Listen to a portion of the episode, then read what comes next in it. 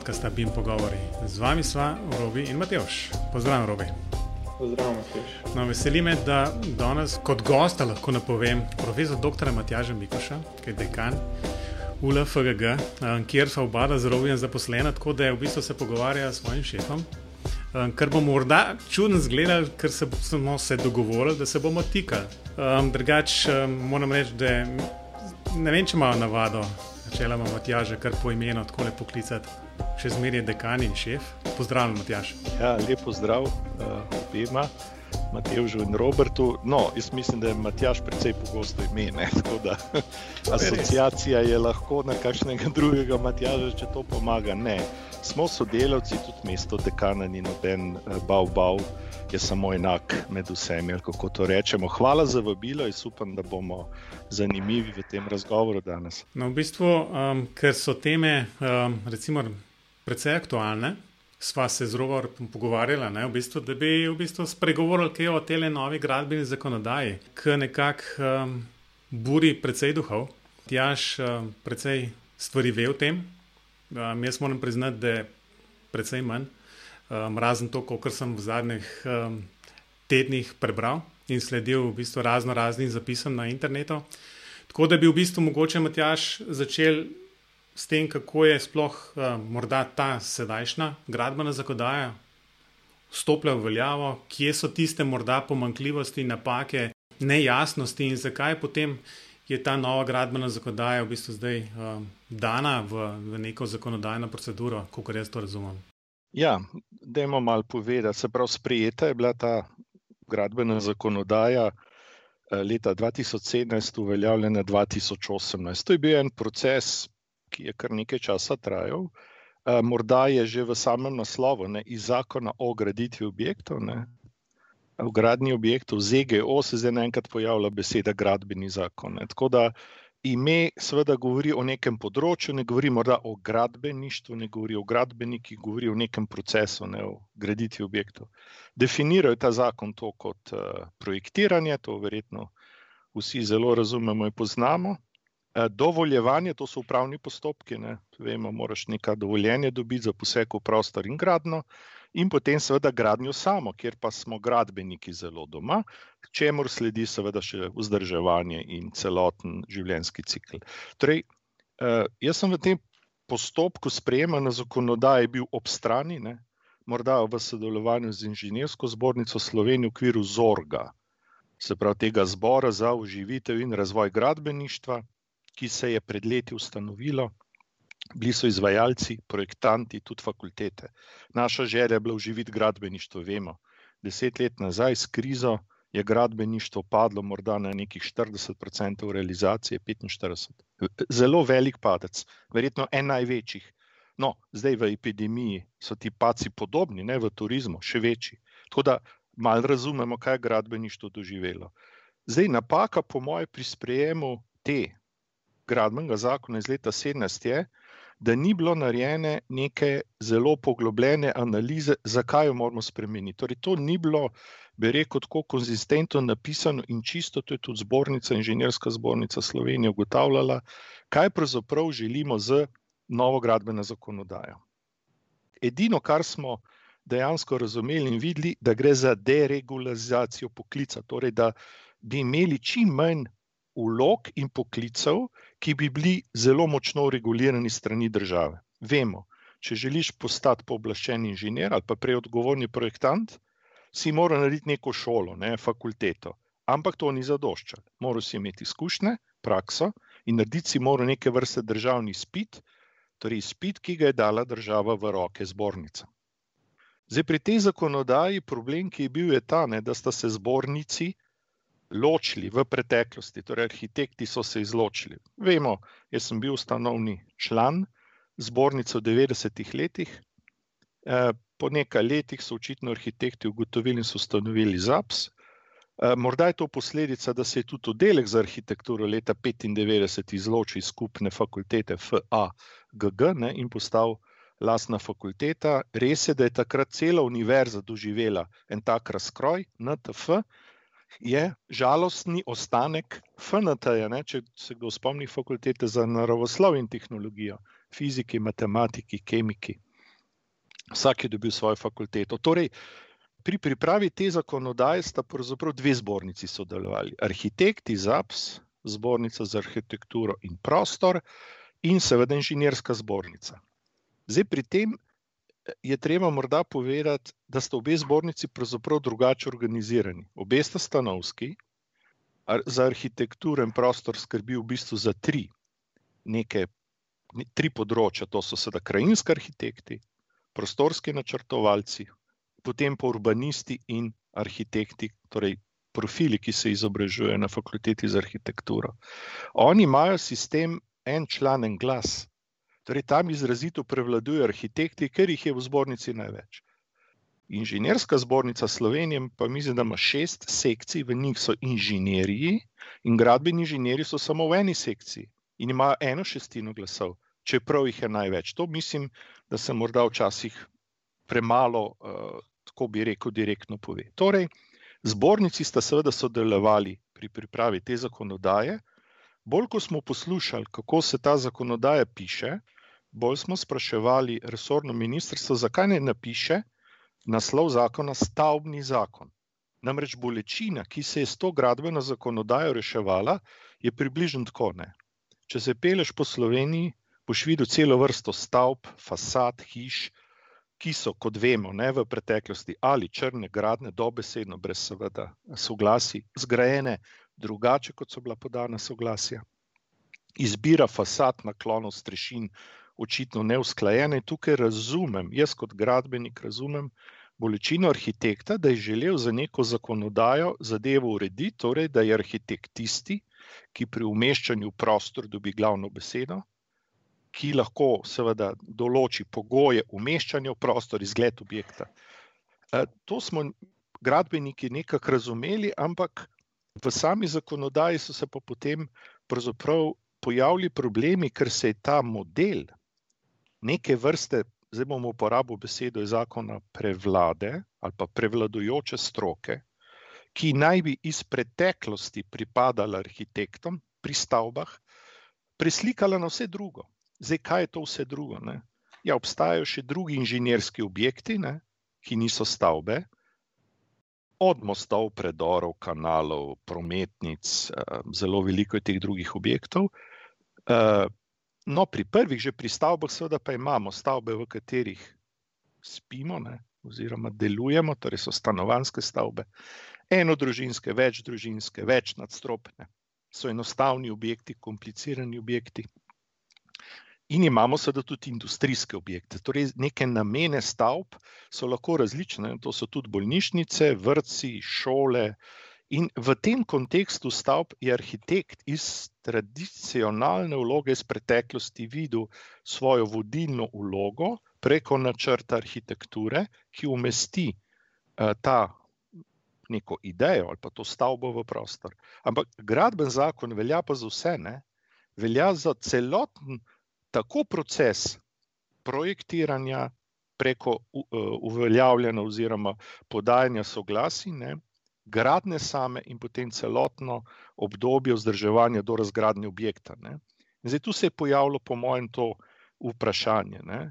Ali je arhitekt, ki je neke vrste generalist, ki ima to neko idejno zasnovo, kot neke vrste umetnik pri stavbah, ne, ali ima s tem pravzaprav prednost za to celotno graditev objekta? Namreč ta zakon iz 2017 je moderniziral zadevo v smislu integralne graditve objektov. Torej, nekje je bil ta eh, zakon nastavljen, da naj bi pokrival celotno eh, obdobje eh, življenja, če želite, nekega objekta, zdaj ta beseda objekt. Ne, A je zdaj to stavba? Ja, je stavba, pa so drugi inženirski objekti, česar koli, kar je v grajenem okolju, od tega, da si zamislim, pa najdem denar, pa iščem, kam bom to umestil, do tistega trenutka, ko ne vem, bom neko hidroelektrarno razgradil, ne, umaknil iz prostora, material porabil, recikliral, krožno gospodarstvo. Tako da te moderne zadeve, ne, kot je krožno gospodarstvo, pametna mesta, pametne stavbe, digitalizacija, je našlo nekak prve nastavke v tem zakonu. In zdaj tu se mi zdi, da je nastal ta velik prepad. Tradicionalna vloga arhitekta kot prevladujoče stroke na stavbah iz obdobja stavbarstva se je poskušala preliti v ta zakon in na nek način, da velja za vse. Zdaj, kje se to vidi? Ne? Ja, vidi se v teh sporih, ne, ki so morda po letu 2018 nastali in sicer da je v določenem členu zakona napisan, zdaj najprej bom rekel za fazo projektiranja. Ne. Šlo je za, bi rekel, eno vlogo vodje projektiranja. Kdo bo zdaj vodja projektiranja? Kdo bo pobral tisto smetano, ali pa tisti, kdo bo tisti, ki bo vse skupaj uh, vodil, ne, če tako želimo reči. In tu se, se nam pojavili zdaj problemi. Ne. Tradicionalno na stavbah je to uh, arhitekt in to nekako ni nihče negiral. Vprašal se pa je, ne, če ta zakonska dikcija potem se začne prenašati pa kar na vse druge objekte. In zdaj se da zakon je to nekako začutil in je rekel, ne, naročnik, vemo, kdo to je, tiskama denar, željo po gradni, ne, morda celo lastnik zemlišča, izbere projektanta, neko organizacijo. Ne. Ta zakon je, čeprav razumemo, združil žig, ki ga je imel prej posameznik, s firmo, v kateri dela. Torej, ti nisi mogel žiga več prodajati, hoditi okrog kot posameznik, ampak to je pozitivna stran, da se je pravzaprav ta žig posameznega, pooblaščenega projektanta, zdaj v tej zakonodaji, vezal na firmo in ta firma mora se, se tudi zavarovati in odgovarjati. To so gotovo pozitivne stvari zakonodaje. No, torej, projektant kot neka firma je morala pol skladno z zakonom izbrati vodjo projekta, ne neke vrste, tistega, ki vse skupaj vodi. In seveda, not je zdaj nastala dikcija. Ne? Na eni strani imamo odgovornega arhitekta kot eno skupino, pa imamo pa odgovorne inženirje, pooblaščene inženirje. Seveda, teh inženirjev je veliko, arhitekt je en. Ne? In tudi arhitekt je inženir. Seveda, ne kot ti. Prav zakon si se vprašal, ja, ali je arhitekt še inženir? če so potem navedeni povlačeni inženirji, on pa ni povlačen inženir. Se pravi, v zakonu je bila zaradi te želje ne, spremeniti stavbo in uh, ostale objekte na nek način uvedeno pravilo, ne, da projektant imenuje vodjo projekta kot ali odgovornega arhitekta ali odgovornega torej pooblaščenega inženirja, zdaj bila pa dodana ena dikcija, en, en napis. Ne. In sicer tiste stroke, ki prevladuje glede na namen gradne. In to je zanimivo, da te napake v zakonodaji iz zakona o graditvi objektov v gradben zakon obeni upazil. Namreč, ko so se potem začele debate po časopisih, medijih, ne, ja, kdo pa prevladuje na namen gradne, Ne? Noben ni prebral, da je v tem novem zakonu bila narejena napaka in sicer zakon o graditvi objektov je resnično že govoril o prevladujoči stroki, ki je tista, ki prevladuje glede na namen objekta ali pa namen stavbe, namen objekta. Namen objekta je seveda drugo, kot je namen gradne.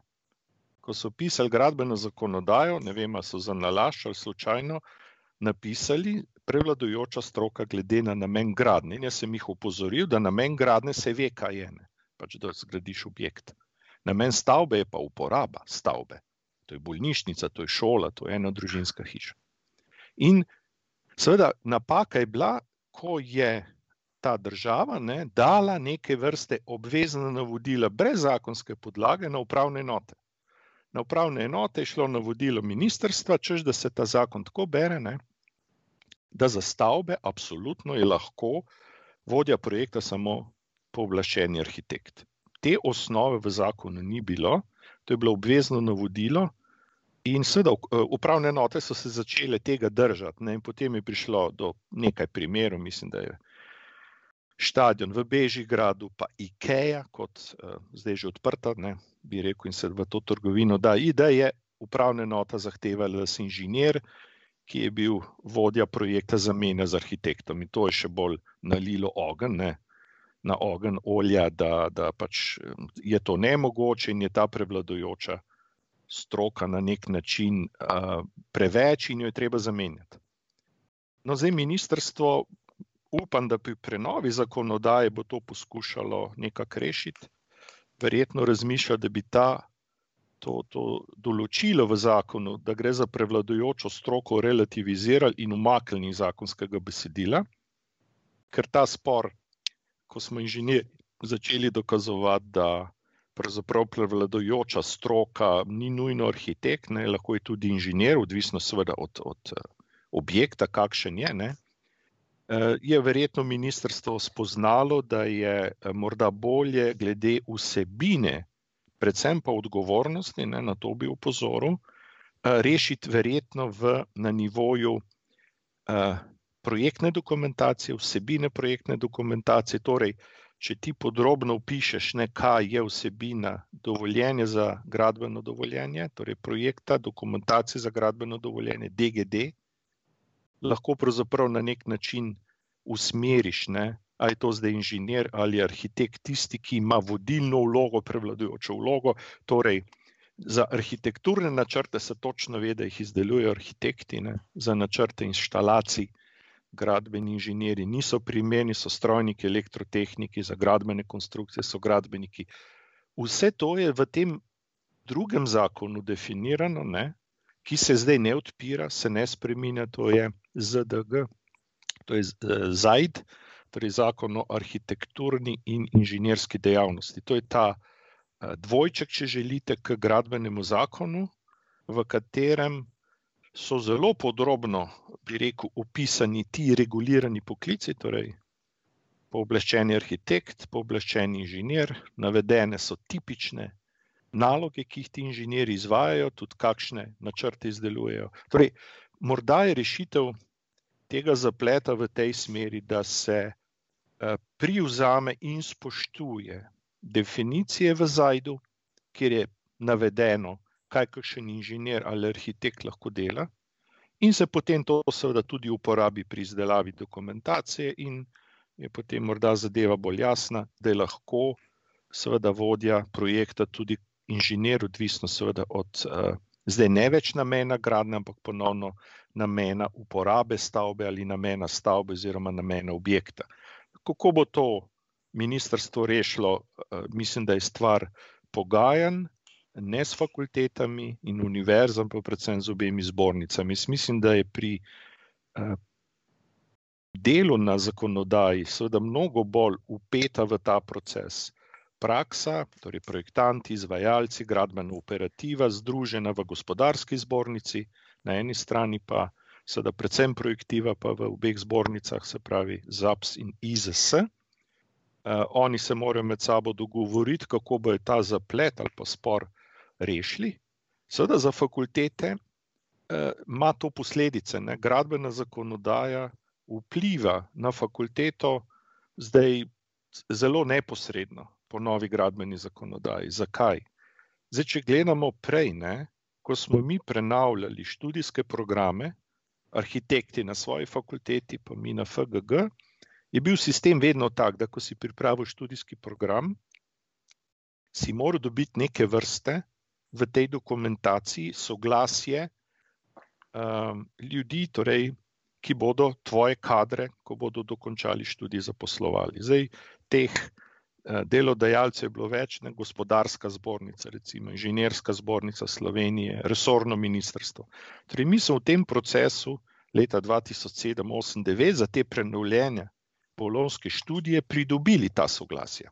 Tudi recimo za magistrski študij prostorskega načrtovanja. Torej, za nas so bile kompetence, ki jih študenti dobijo na teh študijskih programih, ustrezne, vsebinsko, predmetno specifične kompetence so bile ustrezne in nesplošne, ne, ki jih daje ta študijski program, kot je vem, sposobnost dela v timu. Sposobnost uporabe računalnikov, nastopanja, tako neke splošne, mehke kompetence ali mehke veščine, in seveda znanje, oboje, znanje in kompetence. No, nova zakonodaja je zdaj malo ploščo obrnila. In sicer je zdaj definicija, da zbornici ZAPS in IZS lahko in morata pripraviti en nabor kompetenc, ki jih morajo posamezniki izpolnjevati, če želijo pristopiti k državnemu izpitu, izpitu v zbornici in dobiti to, ta, to reguliran poklic, zato ker sta zbornici tisti, ki podeljujeta preko izpita na preverjene znanja potem ta naziv kot je, ne vem, pooblaščeni inženir. To je, to je ostalo relativno podobno kot v preteklosti, torej z dvemi temi bistvenimi spremembami. Ena je ta kompetenčni profil, ki ga je zbornica ustvarila za vsak profil posebej, torej za arhitekta posebej, za prostorskega načrtovalca, za druge pooblaščene inženirje, gradbenike, strojnike, geodete.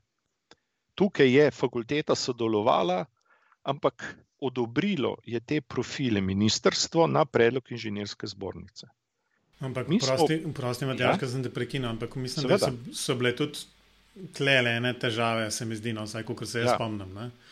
Pri teh kompetencah, v bistvu, kako se pol to prezlika in v, dena, v dejanski predmetnik na fakulteti, in se potem pač bolj ali ja. manj štelo, štelo ure. Tukaj je bilo tako približeno, ja, da uh, za vse profile bo treba narediti, krajinski arhitekti, prostorski načrtovalci, urbanisti, arhitekti, to je potekalo čez APS. Naša fakulteta FGG je bila tukaj upeta pri PN, pri prostorskem načrtovalcu. In kompetenčni profil, danes potrjen, našemu magistrantu tega študija, ki ima točno to ime, ja. prostorsko načrtovanje, mu manjka. On nima vseh kompetenc, da bi lahko neposredno pristopil na izpit v ZAPS.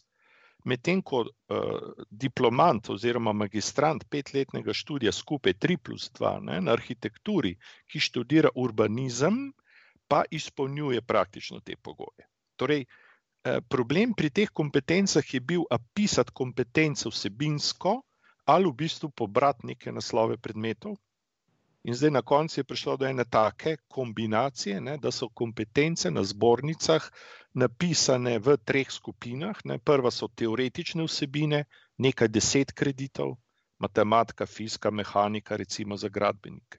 Pol je en, ena velika košarca, ki je na gradbeništvu 105 kreditov, torej kakšno leto in pol, ne, študija, slabi dve leti, strokovne vsebine od požara, lesenih betonskih masivnih konstrukcij, prometa, potresa in tako naprej. Ne? In zadnja košarica so izbirne vsebine, stroke pomeni, da lahko malo profiliraš, ne greš morda v smer eh, konstrukcij ali pa promet ali pa komunale ali hidrotehnike. No, ta tretja košarica ima 75 kreditov, je zelo, eh, bi rekel, nedefinirana, niso tu naslovi predmetov. Torej, nastal je en kompromis, da je kompetenčni profil definiran v obsegu 219 kreditov. Uh, vemo pa, da mora študent, ki konča 3 plus 2 študije, recimo gradbeništva, ne, obe stopni v petih letih, mora imeti 300 kreditov. Torej, kompetenčni profil definira nekje 219 kreditov, 300. To moramo priznati, da so bile te številke prej bolj napihnjene, večje, pa je potem le Eh, zbornica pristala, da je ta vsota nekoliko nižja in da šole imajo neko fleksibilnost, kaj ponujajo potem še v teh, bi rekel, eh, v teh kreditih do 300. In ta sprememba, ki sem hotel reči, da je še zelo pomembna, pa pozitivna za šole, pa je, ne, da za reguliran poklic potrebuješ magistrsko stopno študija, torej pet let študija to je uh, miselni preskok, prej bilo možno ne, tudi s strokovnim študijem, torej triletno šolo zdaj, ne, plus ustrezno prakso pri doreguliranega poklica. Po stari zakonodaji, da, po novi ne več. To je, uh, bi rekel, neka podpora univerzitetnemu in magistrskemu študiju na fakultetah.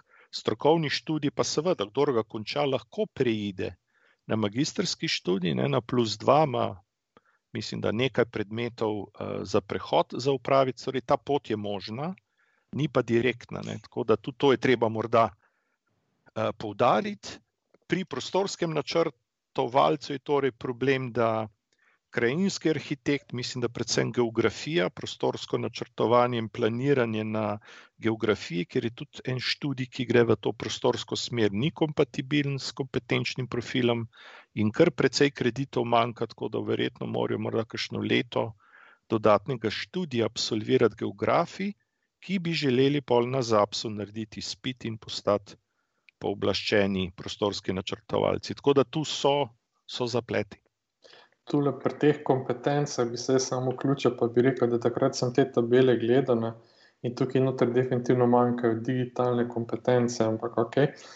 Um, bi pa glede tega spora, ki je bil takrat glede vodje projekta, ne, um, bi rekel tako, no, jaz sem takrat to spremljal bolj kot ne samo prek medijev, od blizu, sploh ne. ne. In uh, mi je zelo zanimiva primerjava med takratnimi, uh, takratnimi um, diskusijami in današnjimi. Ker takrat so se arhitekti postavili totalno na pozicijo, kaj nam pa morate. Ne. Um, ne vem, upam, to je moj občutek, zdaj glede tega, kar sem bral iz medijev, pa kako smo se pogovarjali s kolegi. Ne. Zdaj se mi pa zdi tako, da IZS vseeno išče nek konsens, um, pa ga kljub temu ne more dobiti. Ali imam jaz to napačen občutek ali, ali res nekako tako? Zdaj ne vem, če imam, bi rekel, uh, popolnoma prave informacije. Ne? Ampak, kar se tiče razhoda zbornic, se pravi, ZAPS, ko se je ZAPS izločil, kar lahko narediš samo tako, da imaš pač seveda v zakonu napisan, da je še ena zbornica. Ne moreš kar odkorakati, mora ti pravzaprav država, da rečem to, dovoliti zakonsko. Ne? Takrat je bil Baje en manjši del arhitektov, ki so bili v takrat še skupni zbornici, ki so imeli pooblastilo za vodene gradne. Ne zelo veliko, malo. Ker so šli v svojo zbornico, jih je seveda IZS iz tega spiska vodi gradne izločil. Torej, oni so res takrat, zdaj koliko jih je, ne vem, zgubili uh, možnost voditi gradno. In ko se je pisala nova zakonodaja leta 2017, ne, so oni v glavnem sedaj govorili o projektiranju.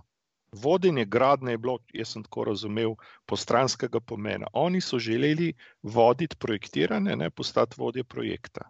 Vodje gradne so pa stalno seveda, opozarjali, ne, da so to izgubili. E, ne vem pa, za koliko posameznikov gre. In zdaj pri tem zapletu ali pa spreminjanju gradbene zakonodaje, ne, da se ta dikcija prevladujoče stroke umakne, da je lahko vodja projekta tudi inženir, bi se lahko elegantno morda tako rešilo. Zdaj govorimo o projektiranju, ne, o vodenju projekta. Da se vodenje projekta poveže z odgovornostjo, kar pa zdaj to tako pomeni. Ne. Trenutno, če bi nek arhitekt ali inženir vodil projekt, je on pravzaprav koordiniral izdelavo dokumentacije, odgovarjal pa ne bi. Odgovarja pa tisti, ki je podpisal načrt. Žik, pa načrt podpisal. Ne? Se pravi, da gre za neko menedžersko vlogo uh, usklejevanja, ki jo pa ni nujno, da jo ima samo arhitekt, lahko ima tudi inženir. Dokazi v praksi so, zdaj ne govorimo o vodenju gradne, ampak o projektiranju, da je lahko kakovosten vodja projekta. Pravzaprav kdorkoli, ki ima menedžerske lastnosti, poslušati, razumeti in koordinirati. Če pa temu tako, ne, je pa treba pri dokumentaciji jasno povedati, ne, kdo zakaj odgovarja v dokumentaciji s podpisom, če do česa pride. Tam se pa potem seveda pojavi tudi vprašanje avtorskih pravic na tej dokumentaciji, kako globoko grejo, če sploh grejo. Eh, ker arhitekti vemo, ne, da imajo preko sistema javnega naročanja, torej javnih natečajev za arhitekturne rešitve, v primeru, ne, da so te rešitve nagrajene in se izvedejo, da pride do izvedbe, tako imenovanega arhitekturnega objekta, je ta po zakonu o avtorskih in drugih pravicah pravzaprav izvedbeno zaščiten. Ni zaščiten projekt, ideja, ampak je zaščiten objekt. In arhitekt, ki je zasnoval ta objekt, ne, pa so ga drugi zgradili, pa izvedbene načrte drugi naredili, ima avtorsko pravico na objektu v primeru prenove. Se pravi, če nekdo ta objekt poseduje, ga je kupil, mora iti vprašati arhitekta ob prenovi, če ne vem, menja izgled, fasado, streho, naklon, karkoli. Pri inženirskih objektih pa temu ni tako. Ta isti zakon ne, o avtorskih in sorodnih pravicah pravi, da na inženirskem, torej znanstvenem, tehnološkem inženirskem področju so avtorske pravice na načrtih, skicah in mnenjih, ne pa na izvedenih objektih. Torej, če nek gradbenik, recimo, sprojektira eno pregrado, nima nobene avtorske pravice v smislu, zdaj boste rekli, ja, se kaj pa lahko on tam ne mogoče ga naredi na eni pregradi, ne lahko, ne vem, naklon zračnega dela pregrade si izmisli v nekem zlatem rezu, če je pa stvar popolnoma tehnično drugače, torej preliv, obtežbe, varnost pregrade. Um, jaz mislim, da ena zadeva, o kateri je treba govoriti, kar, je, kar si robi ti omenil, ne, odgovornost je treba v zakonu videti in na njej ustrajati problem glede odgovornosti v obstoječi zakonodaji zelo jasen in to je, da se zahteva preniska zavarovalna vsota za odgovornost pooblaščenega inženirja, arhitekta oziroma projektantske firme. Ta meja je približno 50 tisoč evrov, kar je smešno. Moral bi zakon zahtevati, da se mora zavarovati za možnost škode, ki nastane zaradi tvojih napak v projektu, zdaj skritih ali očitnih, je druga debata in resne firme v Sloveniji se zavarujejo za višjo vsoto. Zem povedal, da je tudi ta fakulteta registrirana kot eh, pooblaščena inženirska organizacija, ki lahko dela po gradbeni zakonodaji, lahko projektira in smo se za višjo vsoto zavarovali, ne za 50 tisoč evrov. Ponudnikov zavarovanja na slovenskem trgu pa ni veliko, mislim, da ima tri glav en tak paket eh, zavarovanja projektantske odgovornosti resne firme, po mojem, slovenske, so pametne in se zavarujejo za bistvo više vsote v tujini. Namreč problem je, ne, da bi moral tudi za skrite namerne, opak, eh, namerne napake odgovarjati. Ne. Napaka pri nekem projektu, če se neka pregrada poruši, pa ni 50 tisoč evrov, ne, se že dokumentacija je dražja. Tako da v fazi projektiranja te odgovornosti zakon ni v redu rešil. In upozoril sem še na problem avtorskih pravic, ki jih inženirji nimamo.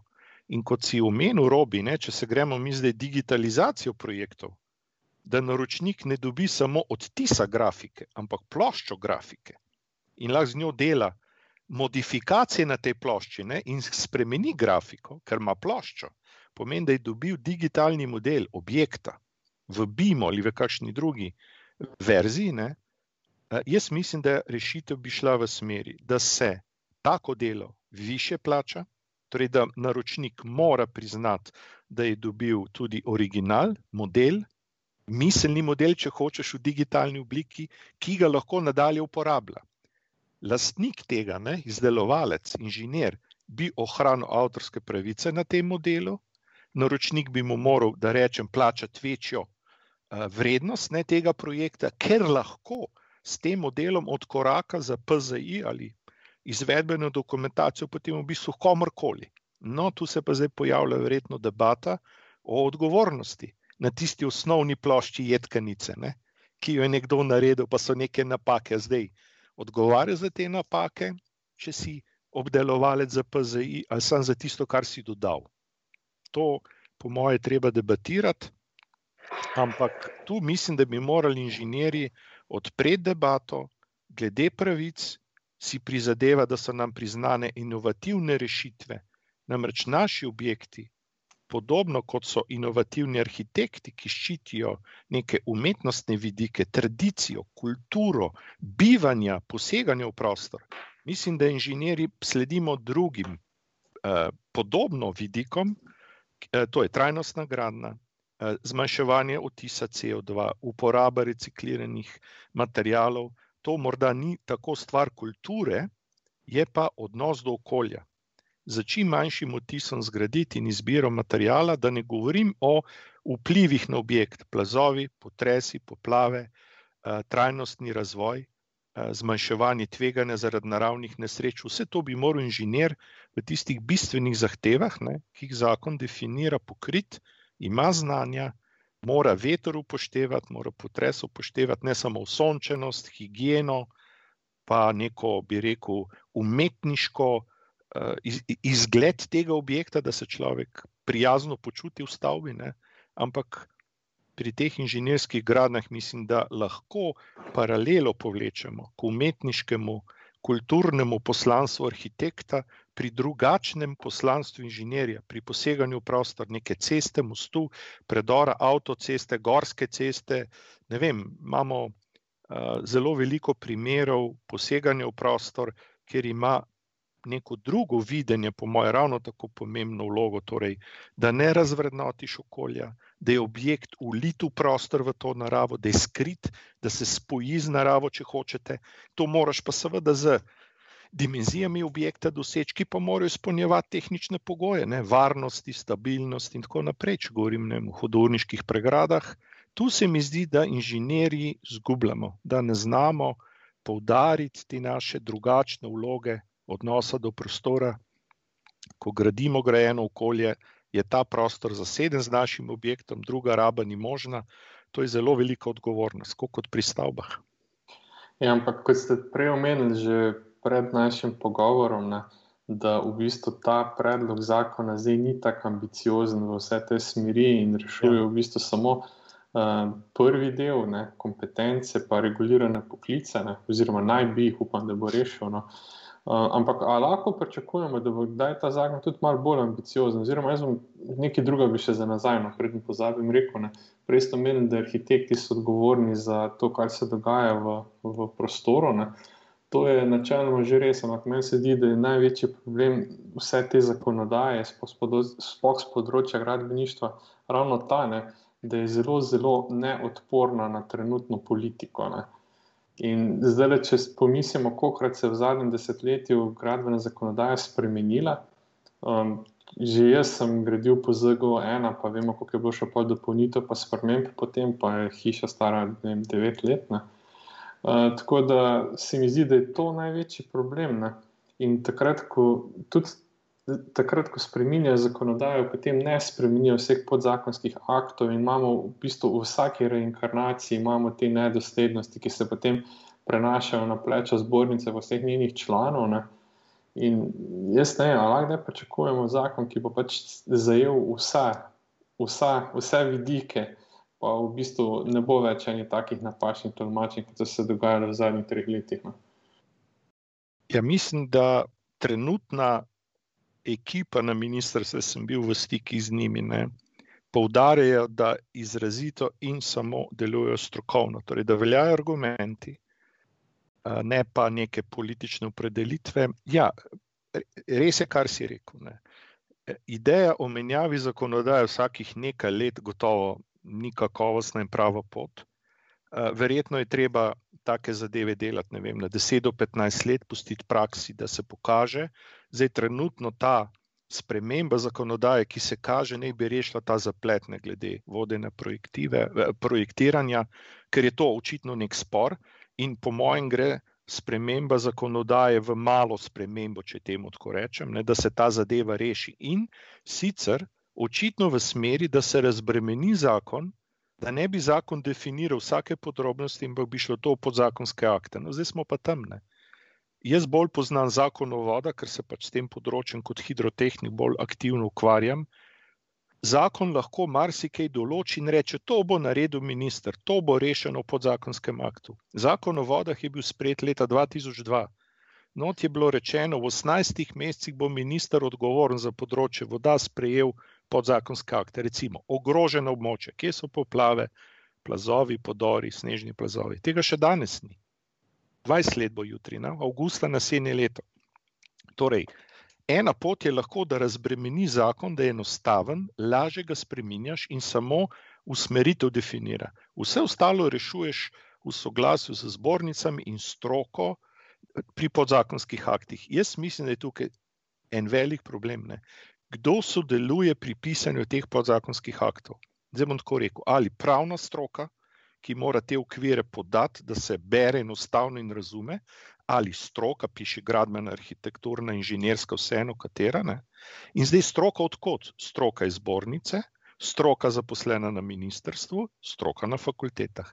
Mislim, da je tu naš problem, da ne znamo napisati kakovostnega besedila, uh, ob čemer bi dosegli konsens, ker vedno nekako razmišljamo, ne, da če bo pa to tako pisal, bo pa nekdo neko prednost dobil.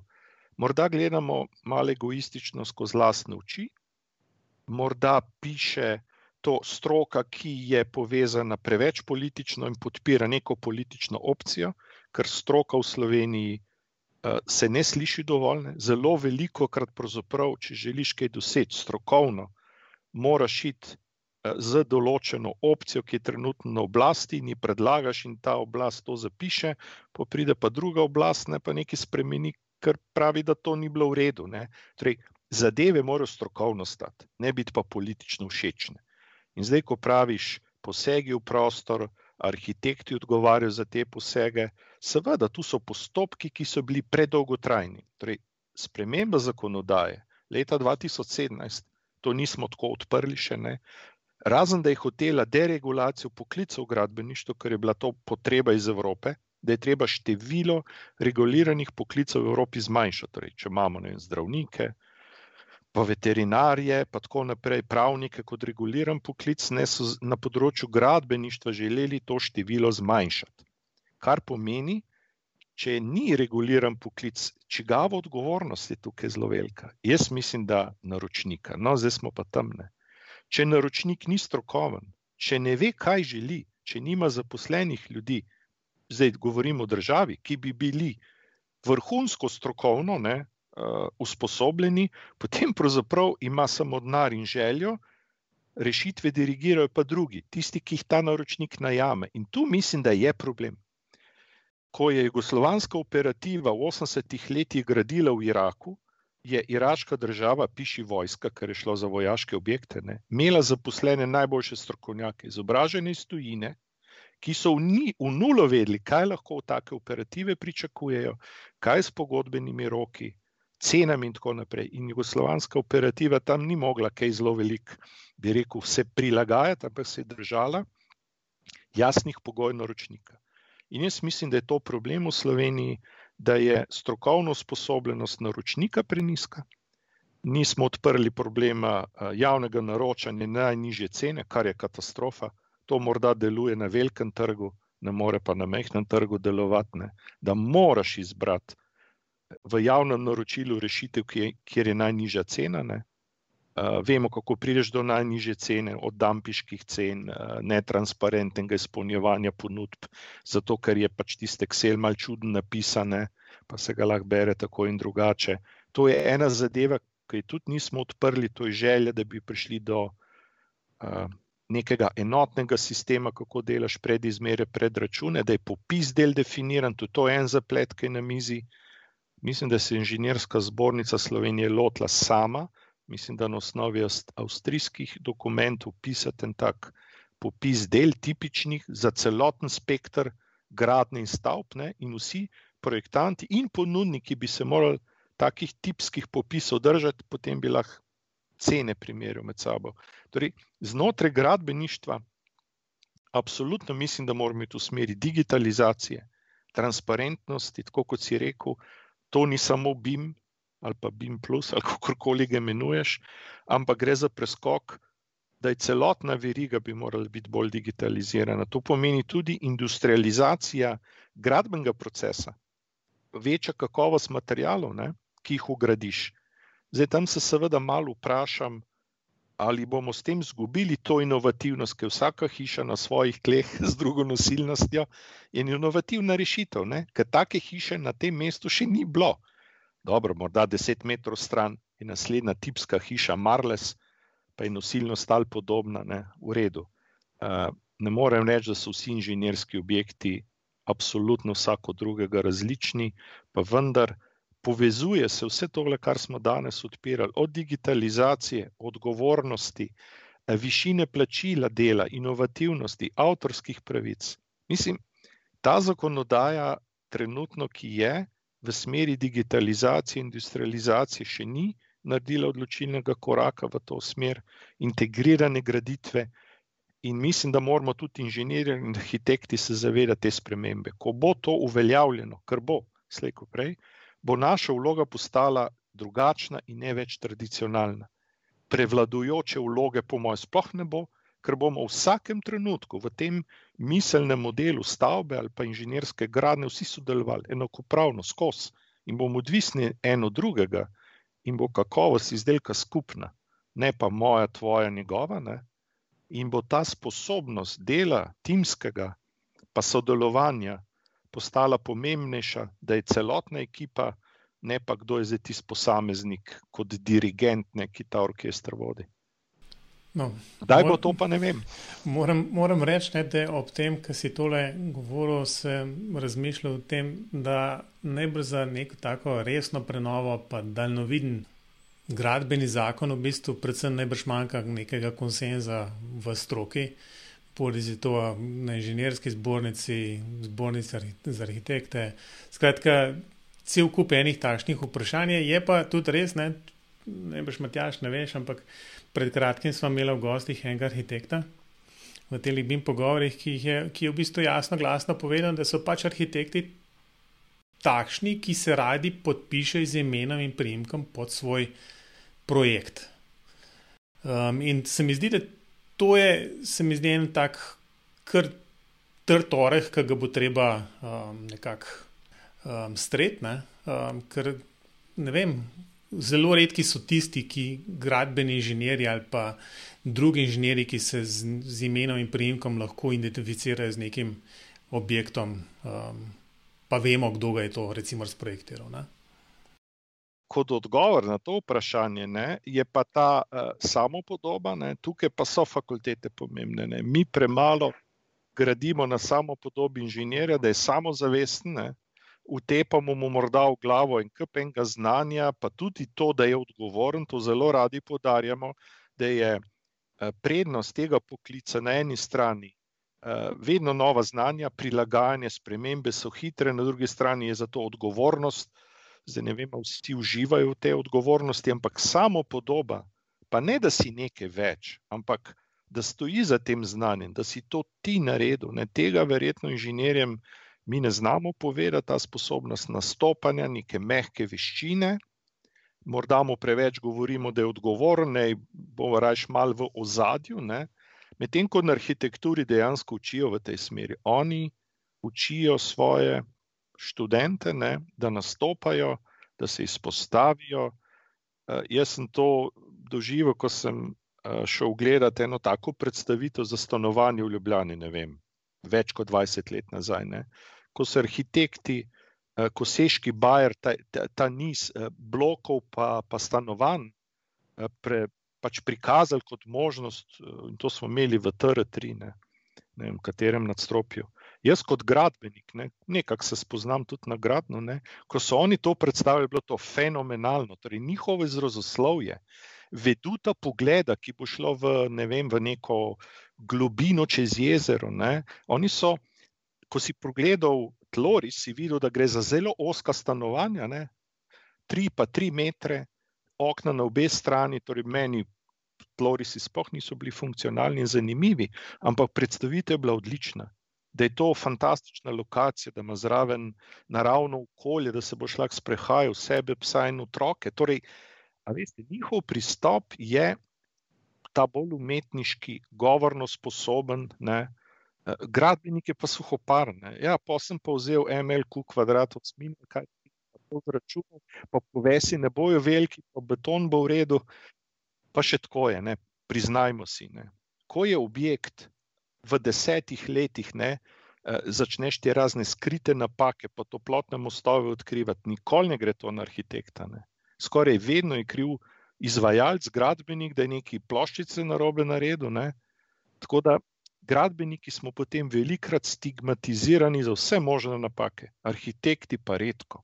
Da je arhitektura slaba, ne? da so okna premehna, ker je arhitekt se ni upal, ne vem, večjih okn dati, pa je slabša osvetlitev. Ne? Tukaj se mi zdi, da je pa tudi fakulteta tista, ki bi morala malo bolj krepiti. Zdaj, kako, po mojem, na vsakem predavanju, vsak od nas bi moral malo bolj ulivati to samo podobo vsakmu uh, študentu, da ima zelo zanimivo delo, da mora znati nastopati. Bojim se, da dijaki, ki k nam hodijo, ne. Nimajo tega potencijala v sebi, ko grejo na arhitekturo, so pa že vnaprej vejo, kakšna bo njihova vloga v družbi, da je to nekaj posebnega, da arhitekt je na nekem pedestalu ene umetniške svobode in kulturne odgovornosti in je umetnik. Tako da tu je ta prepad no, po svojem med inženirskim poklicem in med umetniško-kulturnim poslanstvom arhitekta, kjer pa mislim, da bo treba nekaj razviti zdaj, če parafraziram eno izjavo. No, kaj delajo naravoslovci. Ne? Češ naravoslovci, ne vem, fizik. Fizike imamo visoko na vrednosti lestvici. Sicer fiziki kaj delajo? Fiziki odkrivajo to, kar je. Zdaj, kdo je to naredil, Bog ali narava, je druga zgodba. Oni odkrivajo z eksperimenti in razlagajo to, kar je na svetu dano. Inženirji pa ustvarjajo nekaj, kar še ni bilo ustvarjeno, z neko inovativnostjo. Lahko to potem patentirajo. Ne? Se pravi, pri materijalih in tako naprej, sicer lahko tudi z naravoslovnim znanjem, da se razumemo, kemijskim ustvarjanjem novih materijalov, ampak inženir dejansko je njegova inovativnost in odgovornost, da najde rešitve za problem v nekem doglednem času, holistično pravijo eni, ne? in seveda tu zgublja to neko auro umetniškega delovanja in kulturnega poslanstva, ampak to je po mojem bistvu dela inženirja, no? da najde vzdržno, če hočete zdaj reči, rešitev za probleme, je to bivanje, je to cesta ali je to tunel. Ne? In uh, morda zaradi tega svojega drugačnega poslanstva ni tisti, ne, ki je potem integrator in menedžer vsega. Uh, saj ne veliko inženirjev uh, tega morda ni sposobnih, so pa gotovo odlični posamezniki, ki znajo voditi še tako komplicirane in široke projekte in imajo menedžerska znanja, uh, če govorimo zdaj o vodji gradnje, ne, zakaj pa ne bi za vodenje projektiranja in gradnje pustil takim odličnim posameznikom, da to skoordinirajo. Glede podpisa, ne, ja, zdaj bom zloben. Dajte narediti analizo podpisov arhitektov in gradbenikov po velikosti pisave. Ne, mislim, da boste prišli na dosti dobro korelacijo, kako smo skromni, pa se malo podpišemo, podpis arhitekta je pa tako. Ampak no, no, v bistvu ta bi bila dobra, dobra debata, v bistvu muč, morda malo lažja v bistvu za, za proti koncu oddaje. Ampak dejansko, dejansko si gradbeniki ne delamo najboljše usluge, ne, kjer, se, kjer se vse tisto, kar se v medijih mi pojavljamo, ne, so vedno neki čudni, čudni zapleti, pa aneksi na aneks, pa um, in ne vem kaj še vse. In jaz gojim upanje že zadnjih deset let, da bo digitalizacija in, in BIM in ne vem kaj že vse v bistvu vsaj delno pripomogel k temu, da se bomo tudi gradbeniki recimo rešili tega renomaja, kako po v bistvu vem, delamo baj, bajne zaslužke na, na, na eno družinskih hišah. Ne.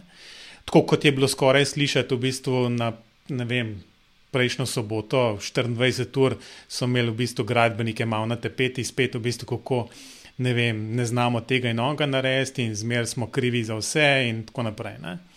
Tako da v arhitektih pa moram reči, da se zmeri slišijo sam tiste, ki lepe zadeve, ki postane, nastanejo in v bistvu so vem, spomenik našemu času. Uh, tako da se pravi, da, da, da gradbeniki res moramo, ne vem. Uh, stroka, predvsem, ne, najbrž narediti mnogo, mnogo, tudi da se v javnosti prepoznamo kot um, nekdo, ki je pač odgovorno upravljal ta svoj poklic, ne pa da bo izkoriščal vsega, ki bo hotel nekaj investirati v to. Ja, mislim, da moramo marsikaj seveda uh, sami narediti. Ne. Uh, to, da obtožujemo druge in kažemo s prstom na druge, gotovo ni, uh, bi rekel, rešitev. Prav je, da na neke disproporce ali očitne zadeve upozarjamo. Mislim, da mora sama gradbena stroka primere dobre prakse pokazati, imamo zelo inovativne rešitve, tudi dobre projektante, gradbenike. In eh, na teh primerih, tudi tradicionalno iz preteklosti, pokazati in trenutno so presežki uh, v inženirskem smislu, v inovativnih rešitvah, in to očitno premalo poudarjamo, je pa po mojem tudi resne, da eh, novinari premalo poznajo delo inženirja in tehnika, pre, niso izobraženi v tej smeri, in pravzaprav se nikoli ne poglobijo, v čem je zdaj hecenga odgovornega inženirja, gradbeništva, elektrotehnike, strojništva, kaj vse mora narediti, ne? Eh, in je skrito v čem, ker vse to je v nekih. Eh, ne vem, zidovih ne vidiš, ne? fasado pa vidiš, ne malo je tudi na tem, ne, da uh, lepa hiša se hitro vidi, grda pa tudi. Ne? In arhitekt je nekako bolj vizualno prisoten, čeprav mislim, da tudi gradbeni eh, izdelki, kakšni, eh, ne vem, če gledate ta most Borunica, ne, ne vem, kdo ga je naredil, železniški most. Ne. A so samo arhitekti sodelovali v Stari Avstriji, ko so se delali železnice, to so perfektno v prostor umeščeni objekti. Morda enkrat to za pogled, kdo je vodil gradnjo to vrstnih objektov v tej tradicionalni eh, stavbarsko-arhitekturni eh, zgodbi, ne vem, dobrih sto let nazaj, ne. po mojem, so bili tudi gradbeniki. Zagotovo. Zdaj, jaz bom, veste, da bom moral zdaj le iti počasi. Jaz moram pred koncem, pa se bom Matej že vnaprej upravičil. Ne vem, če dekan ve, ne, da je Matej v bistvu faliran arhitekt. Ja, le taki so najboljši. Ne, ne ampak znanost mo, in je prestopil še pravi čas. Moram, moram reči, zmeri, pa, zmeri sicer rečem, da sem faliran arhitekt, oziroma ker pač nisem uspel narediti spremnih izpitev na arhitekturi, ampak moram reči, da nisem nikomor bolj hvaležen kot tistem, ki me je tam vrgo. Ker skozi leta sem ugotovil, da je bilo to sam v zanosu, ne? ko prideš ven iz srednje šole. O, to mora biti pa res super, v bistvu arhitektura, pa to je bilo fino risati. Ker sem na srednjo gradbeno šolo hodil, ne? to je bilo zmerno fino, stavbarstvo pa gor in dol. Ne? Na pol ugotoviš, da ne bi bil jaz čist za ta del. Ne? Tako da mogoče imam malo učesa za, za kakšno črto potega nekdaj, ampak da bi pa rekel, da bi bil pa lahko arhitekt, pa zelo težko. No, se to je bilo, to je bilo bolj zanimivo. Ja. No, jaz sem šel pa samo na gradbeno in celo v srednji šoli sem napisal samo gradbeništvo in so me prosili, da sem pa še tretjo opcijo napisal, tako da jaz sem pa tisto prav. ja, ampak to si šele postal gradbenik, te prav, kar si svojo, svojo bajto se zdi, ne? do takrat. Ja, sem bil teoretičen, tako me žena še vedno opisuje vsakemu izvajalcu, ko pride kiši. Da sem teoretičen. Nadzor, ne, imaš nadzor ja, projektantski ali pa naru, za naročnika delaš. Um, ja, v bistvu, skratka, končati moramo počasi. Um, jaz se bom na tem mestu najlepše zahvalil Matjažu za, za tole eno ure, u, uro prijetne debate in um, mislim, da so mi stvari zdaj mečkam bolj jasne. Um, še zmeri pa ostane cel kup nerešenih in pa ne, predvsem neodprtih vprašanj okoli lastništva, modelov, um, prenosov, um, odgovornosti, ne vem kaj že vse. In zdaj bo očitno, recimo, če bo enkrat ta zakonodaja sprejeta, do neke mere odpravljala določene ne vem, nejasnosti, ne? ne bo pa v celoti um, najbrž.